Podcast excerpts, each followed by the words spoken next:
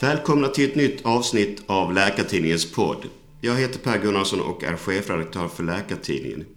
Idag kommer jag att prata med Nina Cavalli Björkman, överläkare och specialist i onkologi samt krönikör i Läkartidningen. Välkommen hit! Tack snälla! Jag tänker att vi ska prata både om ditt arbete som läkare och om dina krönikor i Läkartidningen som både har en stor läsning och som får mycket uppskattning.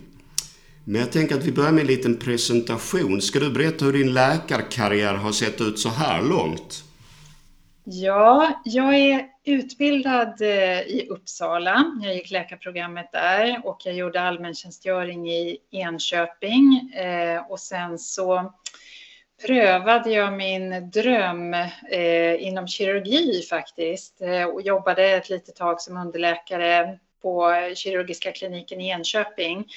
Eh, men sen så eh, insåg jag att, att jag saknade någon slags vad ska jag säga, någon slags hjärtklappning som alla de andra kirurgerna fick när, när det kom in riktigt spännande fall. Så att jag eh, gick vidare till ST-utbildning i onkologi vid Radiumhemmet i Stockholm som inte finns längre, men som då var en del av Karolinska sjukhuset. Och efter det så har jag jobbat som onkolog på ganska många ställen. Jag har jobbat i Visby, eh, jag har jobbat i Stockholm förstås, jag har jobbat på Sankt Görans sjukhus eh, i Falun eh, och nu jobbar jag 50 procent i Uppsala och 40 procent i Finland, i Mariehamn. Så att jag, jag är två dagar i veckan i Mariehamn och tre dagar i veckan lite drygt i Uppsala. Så så ser det ut. Hur kommer det sig att du har valt och väljer att arbeta på lite olika platser? Jag är en rastlös människa, helt enkelt. Jag, eh, jag tycker att det berikar. Jag har alltid gillat det här att komma till en ny klinik och lära mig nya rutiner och nya kollegor och eh, liksom, det stimulerar mig att, att man inte går i samma banor och jobbar i samma banor hela tiden. Så att jag, jag trivs i och för sig oerhört bra så som jag har det nu och nu kan jag nog tänka mig att jobba så här till pensionen. Men tidigare så har jag, har jag hela tiden velat vidare och velat, velat pröva nya saker. Jag tänker just Åland är en plats där det arbetar en grupp svenska läkare. Eh, stämmer det fortfarande? Ja, det stämmer. Det finns ju bofasta eh, åländska läkare, men det, de eh, räcker inte riktigt till utan man, man eh, har eh, en stab med svenska läkare som kommer hit eh, och som jobbar eh, en eller flera dagar eller flera veckor och sen så reser man hem igen. Och, eh, det är faktiskt ett av de absolut trevligaste ställen jag har arbetat. Det är väldigt duktiga doktorer som jobbar här. För sitter man mitt ute i havet då måste man kunna klara sig även när vinden blåser och helikoptern inte går. Så att jag tycker det är enormt skickliga kliniker här och det, det är en fröjd att få, få vara här. Mm. Så man kanske kan säga att det är någon form av särskild gemenskap också då? Det tycker jag. Och det, det är ett litet sjukhus så att eh, vi löser problem informellt över lunchbordet och i korridoren och, och, medan jag på ett stort universitetssjukhus skickar en remiss ut i cyberspace så går jag, går jag tvärs över istället till kirurgmottagningen här och knackar på kirurgens dörr och ber om hjälp. Så det är ett, ett annat sätt att arbeta. Mm. Det låter väldigt bra tycker jag. Ja, jag kan säga att om jag själv fick cancer så skulle jag gärna vilja få behandlas eh, i Mariehamn. Mm. Ja, och det är ju ett väldigt bra betyg att kunna säga så. Ja, ja. Finns det också någon form av extra frihetskänsla det här med att kunna jobba på olika platser och inte vara på samma plats under massor av massor av år? Det gör det absolut. Och det, jag tror att det är en personlighetsfråga. För vissa människor är beroende av tryggheten i, i rutiner och att man, det, det förutsägbara så att säga, att man, man vet vad som gäller på den arbetsplats man har. Medan jag då är lite tvärtom. Jag, jag eh, stimuleras av att, att det hela tiden är nya och okända saker. Eh, så för mig ger det frihetskänsla. Ehm, och nu, nu är jag ju en halvgammal doktor så att nu tycker jag att jag kan eh, onkologi hyfsat och då är det, då är det roligt att få komma hit och få en ganska varierad mottagning och olika diagnoser och så där. Det, det hade jag nog tyckt var mycket mer skrämmande när jag var i 30-årsåldern. Mm. Hur ser då en vanlig arbetsdag ut för din del om man nu kan tala om det? Ehm, på universitetssjukhuset så har jag i princip alltid mottagning. Ehm, mottagning och sådana här stora konferenser som vi kallar för multidisciplinära konferenser. Ehm, när man sitter och går igenom nya patientfall och tittar på röntgenbilder och fattar behandlingsbeslut. Men jag skulle säga att, att eh, även på universitetssjukhus är säkert 80 procent av min arbetstid att träffa patienter. Eh, och i Mariehamn så är det 100 procent att träffa patienter. Det är väldigt lite tid till administration och möten och sånt, utan det är, det är klinik. Och det är det jag tycker om, så att det gör mig glad att jobba på det sättet. Kan man säga vad i arbetet som ger dig mest glädje? Ja, det är väl en, kanske en, en floskel, men det är ju att hjälpa människor. Ehm, min, min egen dotter börjar läsa medicin nu i höst, så vi pratar ju mycket om det här. Varför ska man bli läkare och vad, eh, vad, vad, väljer man för liv om man, om man blir läkare? Och ehm, ehm, det, eftersom vi, vi, facket har avskaffat kallet så får man ju inte riktigt säga då att det här jobbet är ett kall. Men för mig har det faktiskt alltid känts som, som det centrala ändå att jag kan hjälpa mina patienter. Och det, är man onkolog så är det inte synonymt med att bota. Men jag kan hjälpa människor med smärtlindring eller jag kan hjälpa människor genom att trösta, eh, att lyssna på någon som har det besvärligt. Eh, det finns liksom många olika sätt. Eh, och jag, jag känner mig ehm, jag känner mig lätt i, i själen om jag cyklar hem efter en arbetsdag och känner att jag har kunnat hjälpa någon. Ehm, och det är fortfarande attraktionen för mig. Det är inte de här nya spännande medicinerna eller att designa en krånglig strålbehandling, utan det är just den här känslan att idag har jag gjort något bra för någon. Mm, det är ju en väldigt fin känsla får man säga. Mm. Om man vänder på det och säger så här, vad tycker du då är svårast i arbetet? Det svåraste i arbetet är att betingelserna förändras och försämras. Ehm, och det, det är ju någonting som vi klagar fortlöpande över och som på något sätt verkar tyvärr kontinuerligt gå åt fel håll. Men eh, att inte ha vårdplatser, att inte ha möjligheter att initiera behandling snabbt på grund av att det är köer till strålbehandling eller till cytostatika eller till blodtransfusion eller vad, vad det än är. Ehm, det, det tror jag är, är farligt faktiskt, därför att det, det, har man varit med om det tillräckligt lång tid så är det risk att man själv i, i sin personlighet och i sin yrkesroll liksom blir förgrämd. Att det, det sliter ohyggligt att jobba på det sättet. Det är förstås tungt ehm, att arbeta med obotlig sjukdom, men det är en tröst både för patient och läkare om man kan erbjuda patienten snabb hjälp, det vill säga någon som kommer som absolut behöver fylla på med en blodtransfusion, om jag kan säga att men syster Katarina hjälper dig imorgon eftermiddag med det, så, så orkar jag jobba vidare och jag, jag kan känna att jag har gjort någonting bra för patienten. Men om jag ska säga att tyvärr så har vi inga vårdplatser och vi har inga tid på, på behandlingsavdelningen och vi kanske kan ordna en blodtransfusion åt dig i slutet på nästa vecka så försök att inte anstränga dig så mycket tills dess när man har sagt det tillräckligt många gånger så tror jag att man blir cynisk. Ehm, och det får inte hända, så att jag har lovat mig själv att jag ska säga upp mig innan det händer. Mm. Än är jag inte där, men jag tror, jag tror att det är en risk och jag, jag pratar mycket med mina underläkare om det, att vi måste vara uppmärksamma på vad det här gör med oss som människor, att behöva arbeta under suboptimala betingelser.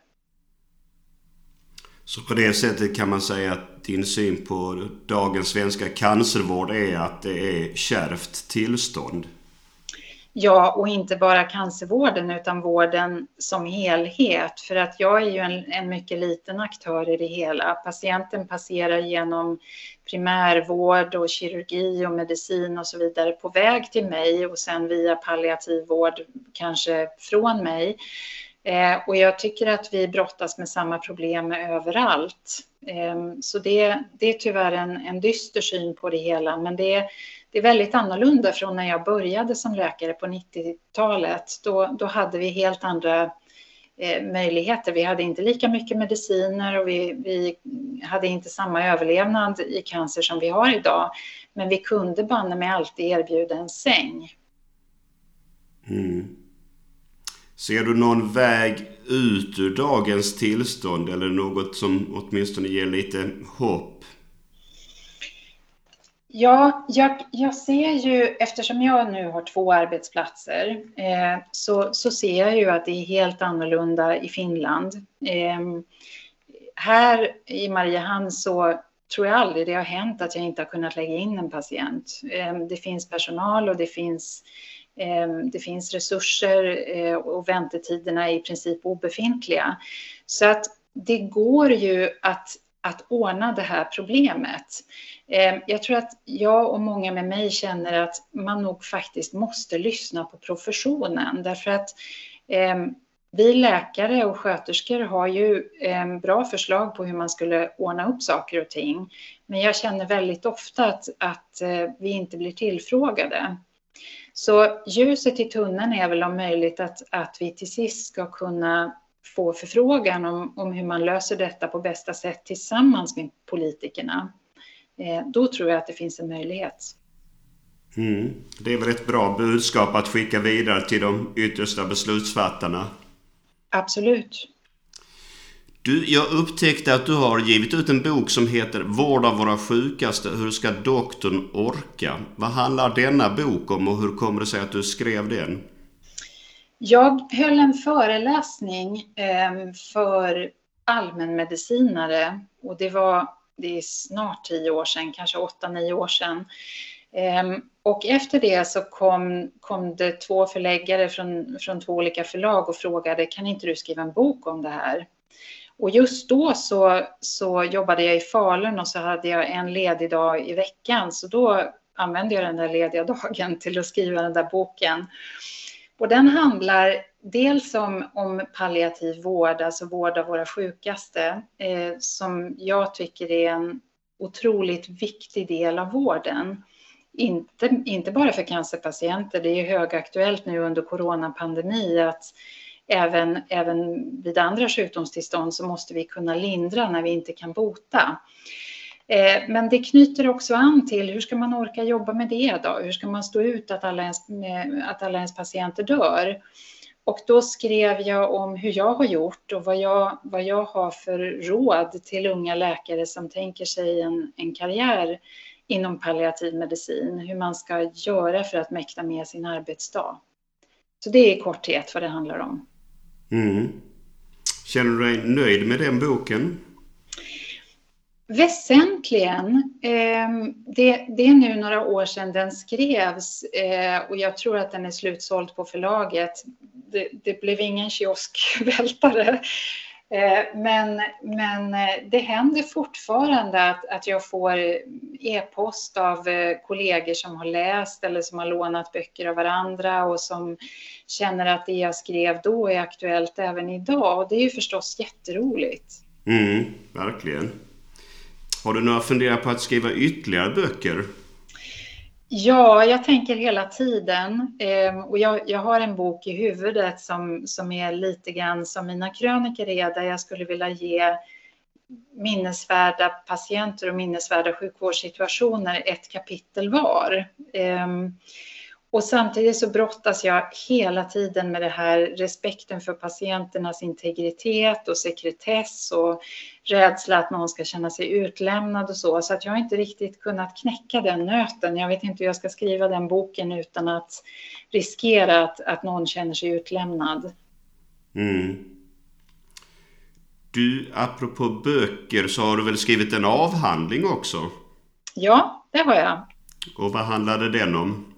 Den eh, kom till därför att jag hade en sån begåvad handledare. Jag, jag hade turen att få bli Bengt Glimelius allra sista doktorand, doktorand nummer 46 faktiskt.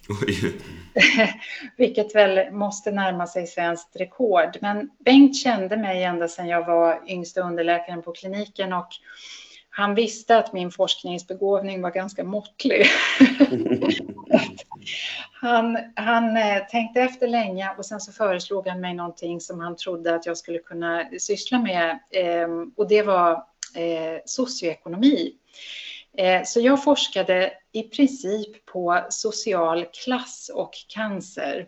Och det var väldigt lyckat för att om man hade givit mig ett ehm, projekt som hade handlat om eh, uh, cellytereceptorer eller så, så hade jag aldrig mäktat med. Men det här intresserade mig därför att det knöt an så mycket till vad jag såg i mitt eget mottagningsrum. Att vi faktiskt behandlar patienter olika. Eh, och det är ingen medveten ondska bakom det, utan det är, tror jag, en, en, ehm, ett försök att anpassa medicinsk behandling till vad en, en människa förstår och mäktar med. Men det leder i slutändan till, till olyckliga skillnader i sjukvården där man kan få en annan behandling om man är advokat än om man är rörmokare. Eh, så jag tyckte att det var väldigt intressant faktiskt att skriva den avhandlingen. Mm, det låter ju som ett ständigt aktuellt ämne också. Ja, ett evighetsämne verkligen. Mm. För Läkartidningens läsare har du ju blivit väldigt uppmärksammad för dina kröniker. Hur kommer det sig att du började med detta en gång i tiden? Jag började skriva, eller jag skrev väl en del i tonåren och när jag gick i skolan och så, men sen så började jag skriva ganska intensivt när jag eh, gjorde AT. Eh, och jag skrev som ett sätt att eh, att göra mig kvitt jobbiga upplevelser. Det vill säga, jag, jag, gjorde den gamla sortens AT. Jag stod på akutmottagningen i Enköping och ensam om natten och eh, det ramlade in allt möjligt och bakjouren låg och sov 30 minuter bort i, i Uppsala, eller en timme bort var det väl nästan. Ehm, och, eh, och vi jobbade väldigt mycket. Vi jobbade dag, natt, dag eh, och sen sov man några timmar och så började man om igen. Och det, det var jätteroligt och jättesvårt. Ehm, och när jag, när jag hade såna här svåra upplevelser så insåg jag att ett sätt som jag kan sluta älta det, det är om jag skriver ner det. Och så gick jag hem efter en jobbig jour och så skrev jag ner min berättelse på ett papper och så la jag den papp det pappret i en låda. Och då förflyttade jag på något sätt upplevelsen från mig själv och ner i lådan. Och så visste jag att den låg där i lådan. Jag kunde titta på den om jag ville, men, men jag gjorde inte det så ofta. Eh, och sen så eh, fick jag en förfrågan ifrån eh, Akademiska sjukhuset om jag ville skriva små korta texter i deras personaltidning.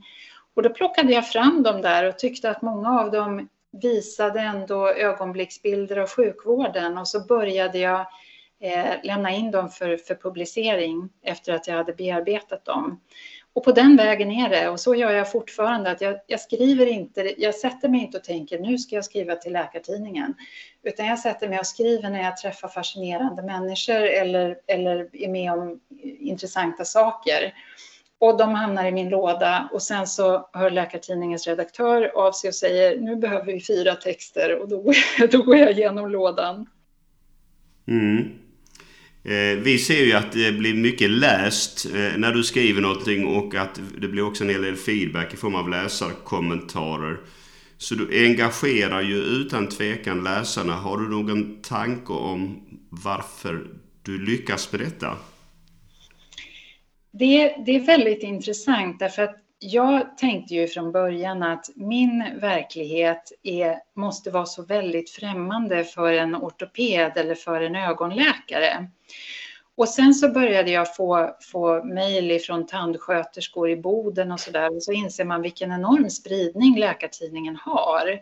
Och dessutom med, med nätet så, så, krävs det ju bara ett klick så kan det liksom sprida sig långt, långt bortom läkare i Sverige. Och jag, jag har funderat mycket över det här, men om jag utgår ifrån den feedback jag får i form av kommentarer och, och post så tror jag att, att det är något universellt. Det här mötet med patienterna och liksom mötet med människor som fascinerar. Att det, det har man på en hudmottagning och på en ögonmottagning. Och till och med om man jobbar i en labbspecialitet så finns det liksom drag av det jag skriver som går att känna igen. Eh, men jag är väldigt, eh, jag är, jag är ödmjuk och jag är fascinerad ändå att, att det är så många som läser och, och som på något sätt tar sig tiden sen att, att öppnas, öppna sin post och sätta sig och skriva till mig att jag har just läst din text och jag tänker så på att det här har jag också upplevt. Jag svarar på alla sådana mejl jag får och jag, jag, är så tacksam och, och på något sätt överraskad ändå att, att det är så många som känner igen sig. Mm, mm. Och då blir det ju också ett väldigt bra betyg. Eh, både att de är positiva och att de hör av sig och som du säger lägger tiden på att skriva till dig. För det, det är nog många som kanske tänker på det ibland. Att man ska skriva till någon person man har läst om men så blir det aldrig av. Precis, precis så. Jag tycker, när jag försökte fundera lite på eh, varför jag tycker att dina krönikor är bra, så tycker jag det är tre saker som jag har kommit att tänka på. Först är det ju variationen, för varje krönika behöver ju skilja sig från den föregående för att kunna erbjuda något nytt. Sedan behöver det finnas en historia som engagerar och därefter behöver den vara välskriven. Är detta någonting som du känner igen i ditt eget skrivande? Ja, vad ska jag säga? Det är ungefär som att, att ge sig själv beröm. ja, men det kan man få lov att göra ibland. ja, nej men jag, jag, det är sant att jag, jag tänker ju på att eh, de måste skilja sig från varann. Det gör jag definitivt, att det får inte vara repetitivt. Ehm, sen om de är välskrivna, ja, jag vet inte. Jag, jag Eh, Eh, jag filar på dem en del och jag försöker att variera språket och, och se till att jag inte upprepar mig och så där. Men ytterst så är väl det en fråga om personlig stil och, och hur, man, hur man skriver. Eh, sen att det är engagerande, det måste jag hålla med om därför att det, det är ju därför jag har skrivit om, om de här situationerna eller patienterna. Eh, för att de har engagerat mig. Eh, och det har ju ingenting med mig att göra utan jag är på något sätt budbärare att det här är någonting fascinerande som jag vill föra till en större grupp människor än att bara jag ska fascineras av det. Så att eh, ja, det, det tror jag absolut. Och samtidigt så vill jag inte ha några såna här superextrema ovanliga händelser utan det är det här lilla vardagliga som är charmen med, med sjukvårdsyrken att det faktiskt är så att, att vi genom det här jobbet får träffa så mycket intressanta personligheter. Mm. Och just det som du är inne på här tycker jag också är ju väldigt intressant med det mänskliga mötet. För jag tror, när du säger att, att det kan ju vara så att man som läsare både känner igen patientens utsatthet men också läkarens vilja att göra ett bra jobb även i en, i en arbetsmiljö som ibland är påfrestande så kan det ju kännas väldigt fint att få läsa om någon som gör just sitt bästa. Mm. Ja, och så måste man vara ödmjuk inför alla sina egna fel och brister. Ehm, det är ju, det är ju det här är ju ett jobb som man aldrig känner att man blir fullärd i. Eh, det är hela tiden nya, nya mediciner och nya behandlingsmetoder. Men också så känner man ju varje arbetsdag att man hamnar i, i kommunikationssituationer som man inte hanterade på bästa sätt. Ehm, så att det är också kanske någonting som, som folk kommenterar att de känner igen att ja, man gör sitt bästa och så blir det ändå aldrig riktigt så bra som man hade hoppats. Och det tycker jag är viktigt att, att föra fram, även för våra yngre kollegor, att jag klantar mig ideligen, eh, trots att jag inte vill. Och det, det måste man kunna dela. Mm. Har du själv någon krönikör som du läser, någon som du tycker är lite extra bra? Alltså jag, jag tycker att alla krönikörer i Läkartidningen är bra. Jag tycker att jag tycker att det är så rolig spridning. Det är fantastiskt att ni har lyckats få narkosläkare som skriver ifrån Afrika och det är underläkare som skriver ifrån sin verklighet på en psykiatrisk mottagning. Och det är jätteroligt att det är en sån stor spridning. Um, och det, där kan ju jag känna samma sak, att jag har inte jobbat inom psykiatrin på oj, 25 eh, år. Men, men jag känner igen mig direkt. Jag, jag, ser den där personen framför mig och då, då har verkligen skribenten lyckats fånga någonting som är universellt eh, i vårt yrke. Mm. Ja, det är roligt att du säger så, för det, det är ju det som, som kan lyckas väldigt väl när någon lyckas med att förmedla just det universella. Mm. Eh, hur är det då med din skrivprocess? Du var inne på det lite grann innan att du arbetar om. Så du är snarare en sån som kanske arbetar vidare och arbetar vidare istället för att skriva rakt från början till slut? Ja, den, det första utkastet, det skriver jag rakt eh, och det går väldigt fort. Eh, jag, jag har tanken i mitt huvud och jag, jag skriver en text på tio minuter eller en kvart eller något sånt där. Sen lägger jag bort den eh, i min lilla låda. Och sen så eh, när ni hör av er och vill ha texter, då plockar jag fram och så läser jag. Och sen eh, ja, så filar jag bort saker som jag är mindre nöjd med och så. Men sen kommer den här processen att försöka att eh, göra det respektfullt och eh, utan att på något sätt tangera sekretess. Eh, bestämmelser. Så att då, då försöker jag att ändra saker och jag, jag har skrivit en, eh, en text eh, om det faktiskt, hur jag hur, hur jag försöker och jag byter kön och jag byter diagnos och jag byter ålder och jag byter etnicitet. Eh, och sen så skickar jag det till redaktör och så får jag tillbaka kommentarer Eh, och till sist, vad som, vad som är kvar i slutändan, det är eh, den sanna berättelsen men med andra aktörer så att säga. Så att ingen ska kunna säga att det där handlar om min farfar och, och han gick hos Nina och jag vet att det var han. Eh, så att det, efterarbetet är, är ganska omfattande och jag önskar ju ibland att man skulle kunna eh, publicera texter så som de var ursprungligen. Eh, men det är fortfarande så när jag läser dem att jag känner att de är sanna, det vill säga att det är min upplevelse i texten. Men förhoppningsvis har jag inte lämnat ut någon av mina patienter. Mm. Det börjar bli dags att avrunda här, men jag vill fråga, vad gör du när du inte arbetar eller skriver krönikor? Jag köper sköldpaddor. Ja, är det till dig själv eller till någon i familjen?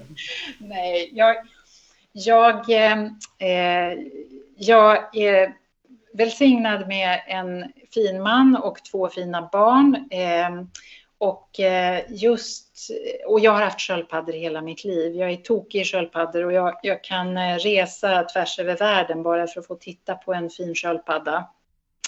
Eh, och det här vet alla mina sköterskor och så där, så det är mycket skojande om sköldpaddor där jag mm. arbetar. Men eh, nu så har min eh, stora dotter flyttat hemifrån och tagit med sig en av våra sköldpaddor som väl egentligen då är hennes, men det har ju lämnat ett hål då i min sköldpaddssamling. ja, det förstår jag. Så det måste fyllas då? Ja, precis. Och det är projektet för hösten. Ehm, och det är väl ungefär så roligt som man kan ha under pågående pandemi och fundera på att köpa mm. sköldpaddor. Precis. Mm. Då vill jag säga stort tack för att du ville vara med och jag vill tacka för alla som har lyssnat och om ett tag kommer nästa avsnitt av denna podd. Hej så länge!